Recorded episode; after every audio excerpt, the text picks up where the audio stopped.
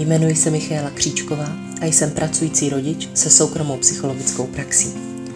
Doma se starám o malou ďáblici, černého útulkového psa a podporujícího manžela.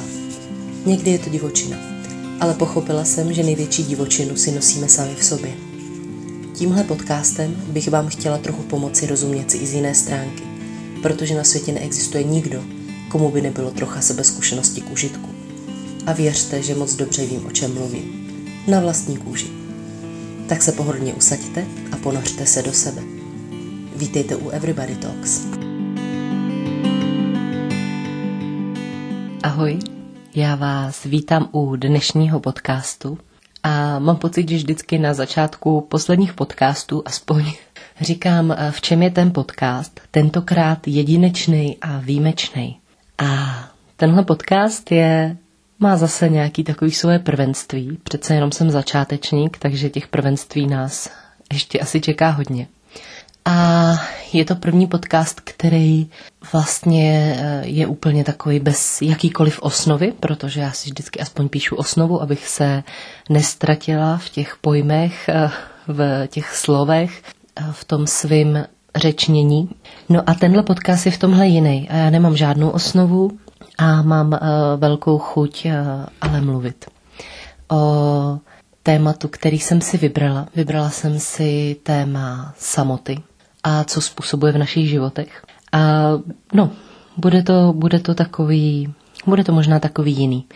Sami uvidíte, jestli budete cítit rozdíl, jestli bude pro vás pozitivní nebo negativní. Pokud zjistíte nebo mi dáte zpětné vazby, že se vám nelíbí, když jsem méně připravená, tak, tak aspoň já budu vědět, jak to dělat pro vás líp. A jeden asi z těch důvodů, proč vlastně e, já nemám tentokrát žádnou přípravu, je ten, že e, poslední dobou ty týdny jsou extrémně vyčerpávající. A ono to tak je, že jo, často, že uh, někdy jsou ty období lepší, někdy jsou ty období horší, to asi zná každý z nás.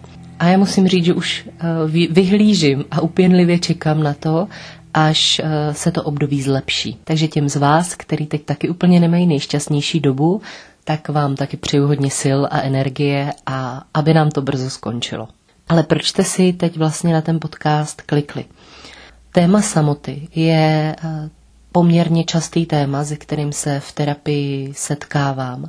A musím říct, že převážně je to doména žen.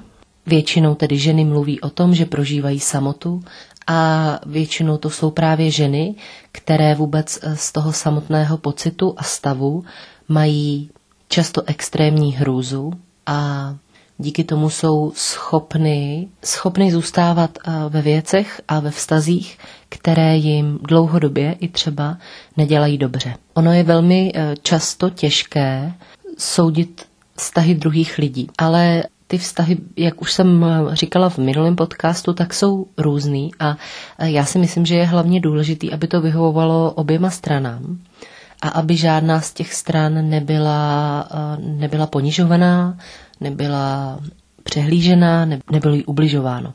Ale mnoho vztahů eh, tyhle ty prvky bohužel obsahuje. A znáte určitě třeba případy týrání eh, nebo násilí v domácnosti, domácího násilí, násilí páchaném většinou na ženách, ale i samozřejmě na mužích, i když eh, v menším měřítku. A je to zrovna i téma, které vlastně eh, zase o něco víc vykrystalizovalo během karantény, kdy celé rodiny nebo i jenom páry najednou byly hodně intenzivně spolu sami a pro mnoho z nich to bylo skutečně velmi náročné. Byl to velmi náročný čas. Jednak proto, že Často bylo díky karanténě a zákazu vycházení nebo omezenému vycházení těžké eh, najít si ten svůj prostor, ale často nám i přestali eh, fungovat nebo jsme ztratili možnosti, které nám eh, třeba pomáhaly zvládat těžké životní situace. Nálada se často vyostřovala a ty důvody nebo ty rozdíly mezi partnery, které třeba už se vyskytovaly v předešlých předešlých zkušenostech nebo které už tam prostě byly, tak najednou, jak kdyby během té karantény, během toho intenzivního času začaly růst a začaly být mnohem víc vidět.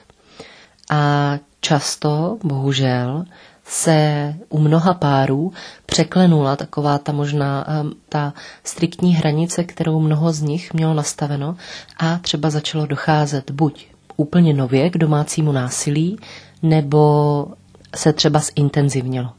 A samozřejmě domácí násilí ehm, nemůžeme se fokusovat jenom na, ehm, na to fyzické, kdy eh, teda ty stopy po napadení bývají vidět, ale především psychické. Psychické násilí je totiž jednak mnohem těžší prokázat, že k němu dochází a často se taky oběti, ať muži či ženy, stydí mnohem víc něco takového ventilovat, protože mají ještě větší strach, že by mohlo dojít k nepochopení jejich situace nebo ještě mnohem častěji bohužel dochází k bagatelizaci.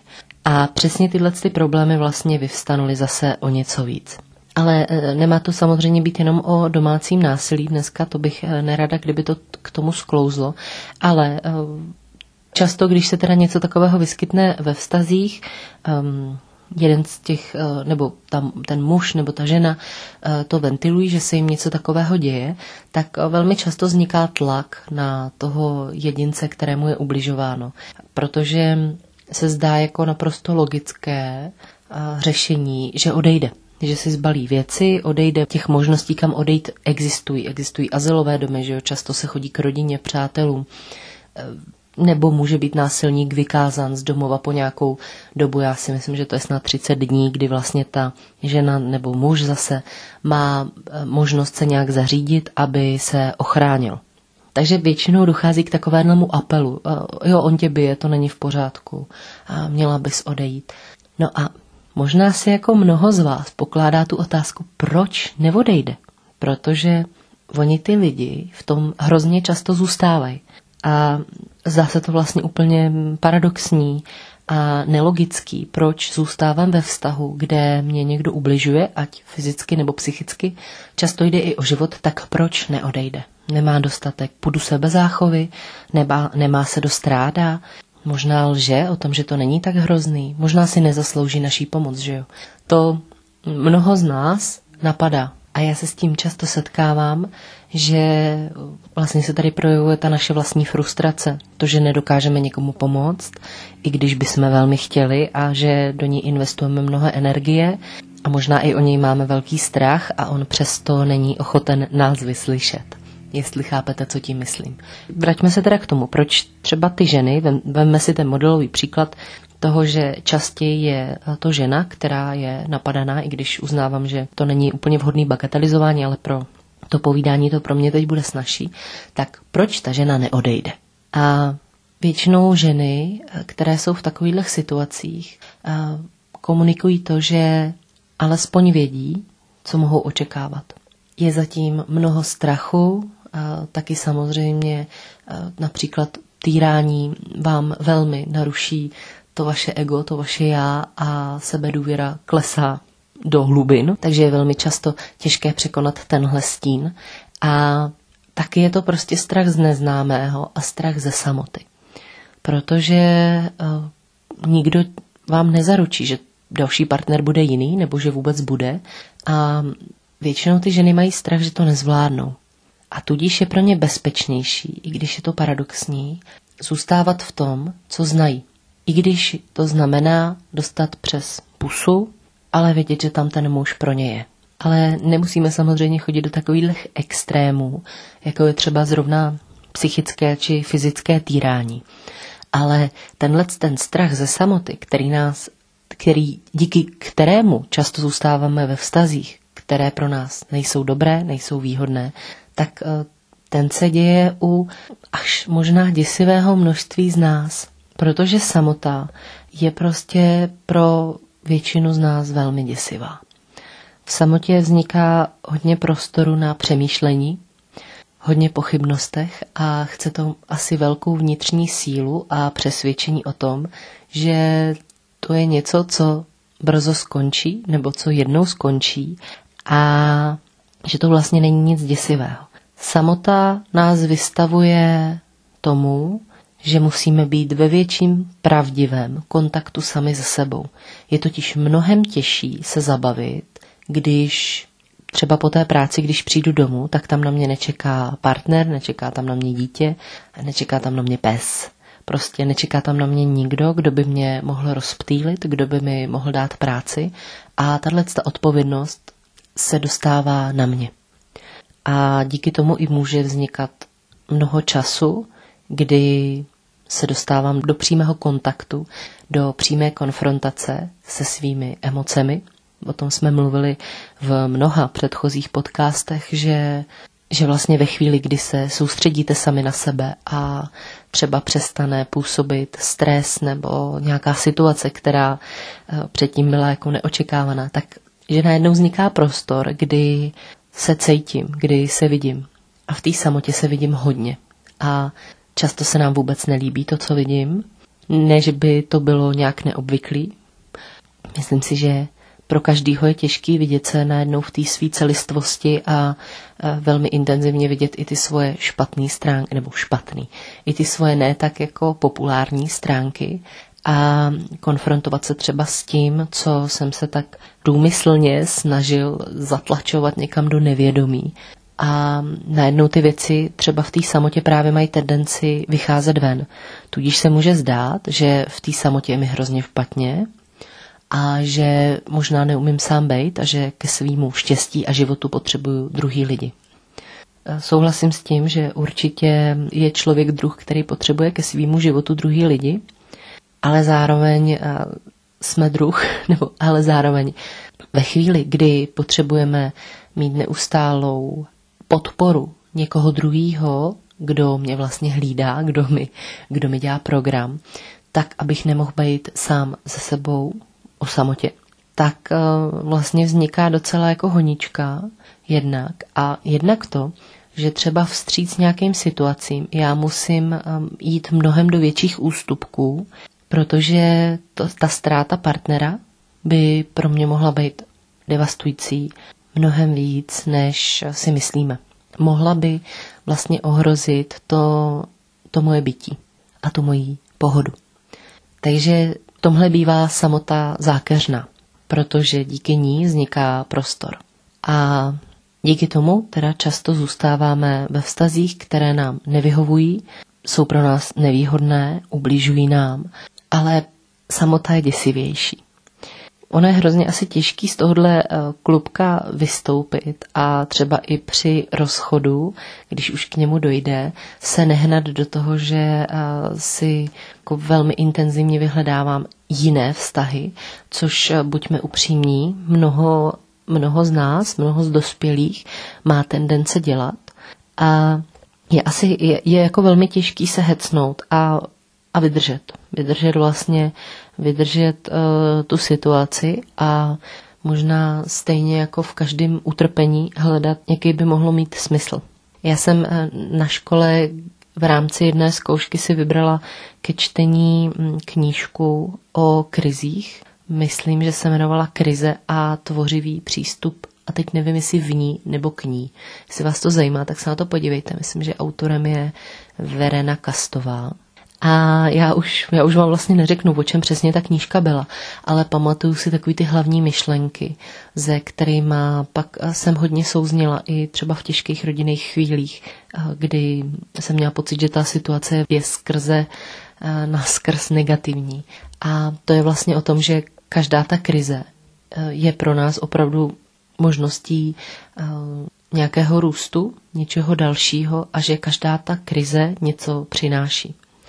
A stejně tak i ta samota může být v něčem eh, velký dar a záleží, jestli ho tak eh, chceme vnímat, nebo jestli z ní máme strach. Pokud vy, někdo z vás, někdo z mých posluchačů se zrovna nachází v situaci, kdy se cítí sám, možná se nacházíte na, na milníku svýho života, díky kterému budete moct začít věci ve vašem životě dělat jinak a cítit se jinak. Samota je vlastně prostor, který dostáváme sami pro sebe, poměrně exkluzivní prostor a kdy se, je to jako životní období, kdy se opravdu můžu věnovat sám sobě, svýmu rozvoji, svým myšlenkám, poznat se, porozumět si a možná ošetřit ty věci, na kterých jsem během předešlých let, měsíců, nevím, doby prostě, která uplynula, tak na kterých jsem neměl čas z jakýchkoliv důvodů. A i když je samota těžká, tak stejně tak je těžký prožívání spousty emocí, prožívání spousty traumat, které se nám staly, tak i když je ta samota těžká, tak možná to bude jedna z nejlepších věcí, která se vám mohla stát, protože vám mohla dát impuls. Nic vám vlastně nedá podle mě takový sebevědomí jako ta myšlenka, to, že vím, že jsem schopný v tomhle světě přežít sám. Nemusím se na nikoho obracet, protože ve finále, když si projdeme všechny ty věci, které nám pomáhají zůstat nad vodou nebo které nám pomáhají zvládat, tak vždycky vlastně je nejdůležitější to, jak silný jsem já sám a jakou víru mám sám v sobě. A pokud jako mám silný tohleto, pokud já sám věřím, že zvládnu překonat jakoukoliv situaci, který budu stát čelem, tak tehdy právě získávám tu skutečnou sílu a věřím tomu, že takový lidi opravdu třeba se, třeba se zhroutějí, když se něco stane, ale po chvíli se zase zvednou a opravdu bojují dál. A vědí, že to zvládnou, že, to prostě jako půjde. A v tom je třeba obrovská síla, kterou já obdivuju. Myslím si, že samozřejmě je to často frustrující, eh, zvláště pokud jste třeba i ve věku, kdy se už tak jako rodina začíná nevhodně ptát. Ne, rodina, přátelé, takové to a kdy si konečně najdeš kluka, holku, nebo kdy se odstěhuješ a co rodina a co děti. Jo, e, ten sociální tlak je obrovský a buďme jako upřímný, to e, určitě nepomáhá k tomu, aby třeba se ta samota prožívala nějak hezky, aby se prožívala jako úplně normální stav, aby eh, člověk necítil určitý takový jako cejch, že je sám, že není schopný si udržet partnera nebo sehnat partnera nebo rodinu. A o to vlastně asi důležitější pak je eh, být schopný komunikovat třeba s přáteli nebo i s tou rodinou o tom, jak, co prožívám, jak se cítím v těch situacích a že mi něco je a něco není příjemný. To jsou asi zase otázka těch hranic, který um, musím někdy dávat svýmu okolí, aby třeba nebrousili moc blízko.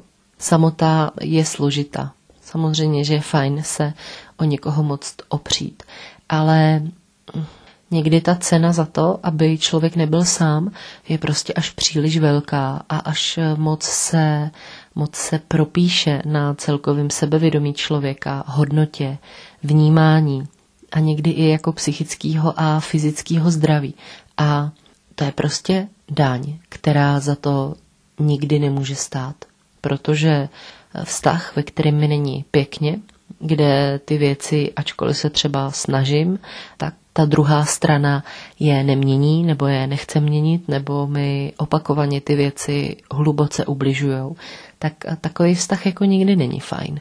A, a jestli to jediný, co mě drží od rozchodu nebo od eh, toho, abych toho partnera opustil, tak jestli to jediný je strach ze samoty, tak by možná bylo dobrý to téma si v sobě umět otevřít a začít pracovat s tím, aby samota pro mě nebyla tak děsivá a abych zase, jako uh, i v těch předešlých podcastech, kde to zmiňuji, tak zase, abych mohl mít ve svých rozhodnutích svobodu a abych nemusel být ovládán svými strachy a možná strachem z toho neznáma. Neříkám, že to je lehký tyhle věci změnit, udělat, eh, vůbec si přijít na to, že třeba v mém současném vztahu mi není hezky a že toužím po změně a to fakt není jako lehký rozhodnutí, ale uvědomění si a přijetí té myšlenky je asi jed, jsou jedny z prvních kroků a jakmile už to jednou v té hlavě mám, tak možná s tím můžu pracovat a dělat ty kroky postupně tak, abych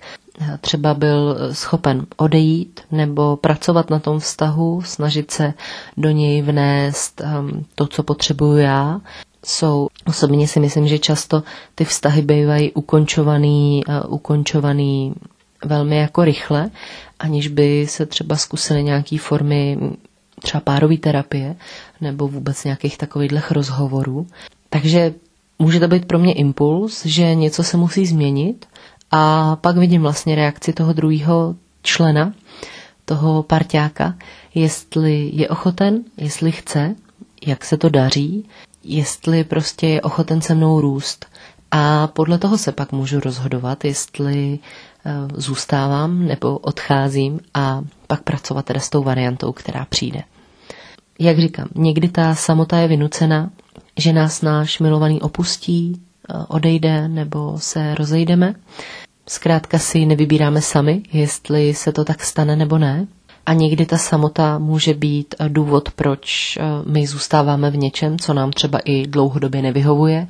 Nedej bože nás to i poškozuje. Tak či onak, samota stejně jako negativní emoce není nepřítel, i když může být děsiva. Využívejte přátelé, které máte kolem sebe, využívejte rodinu, nebojte si říct o pomoc. A pokud nemáte pocit, že byste někoho takového ve svém životě měli, tak může přijít i třeba právě nějaká terapie. Protože i na tohle někdy se lidi ptají, že jo, s čím, s čím vším můžu přijít na terapii. Tak tohle je jako hodně hluboký téma, který, jak říkám, sahá vlastně do toho našeho nitra. A často je to právě něco, co, s čím se třeba stydíte někam zajít, protože vám to může připadat jako, mm, já nevím, pofidérní nebo ne tak jako důležitý, protože přece neblázníte, že jo, nejste, nejste magoři, jak se říká. Ale přesně i tohle je vlastně jako uh, oblast životní, ze kterou vám uh, ta terapie může pomoct.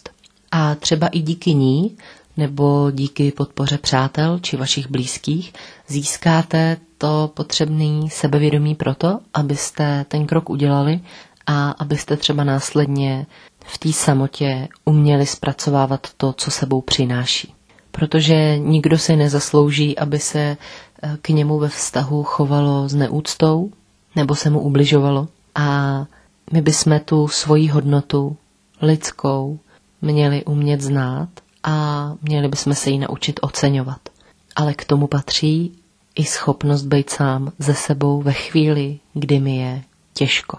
To bylo takový zamyšlení k tématu samota, jako k jednomu z témat, který se často vyskytují v terapii. A já doufám, že pro vás tohle zamyšlení bylo zajímavé nebo přínosné, že vám přineslo zase nějaké nové podněty a Budu se na vás těšit zase další úterý, budu se těšit na vaše zpětné vazby, zprávy a, a zase se uslyšíme příští týden. Mějte se hezky a ahoj.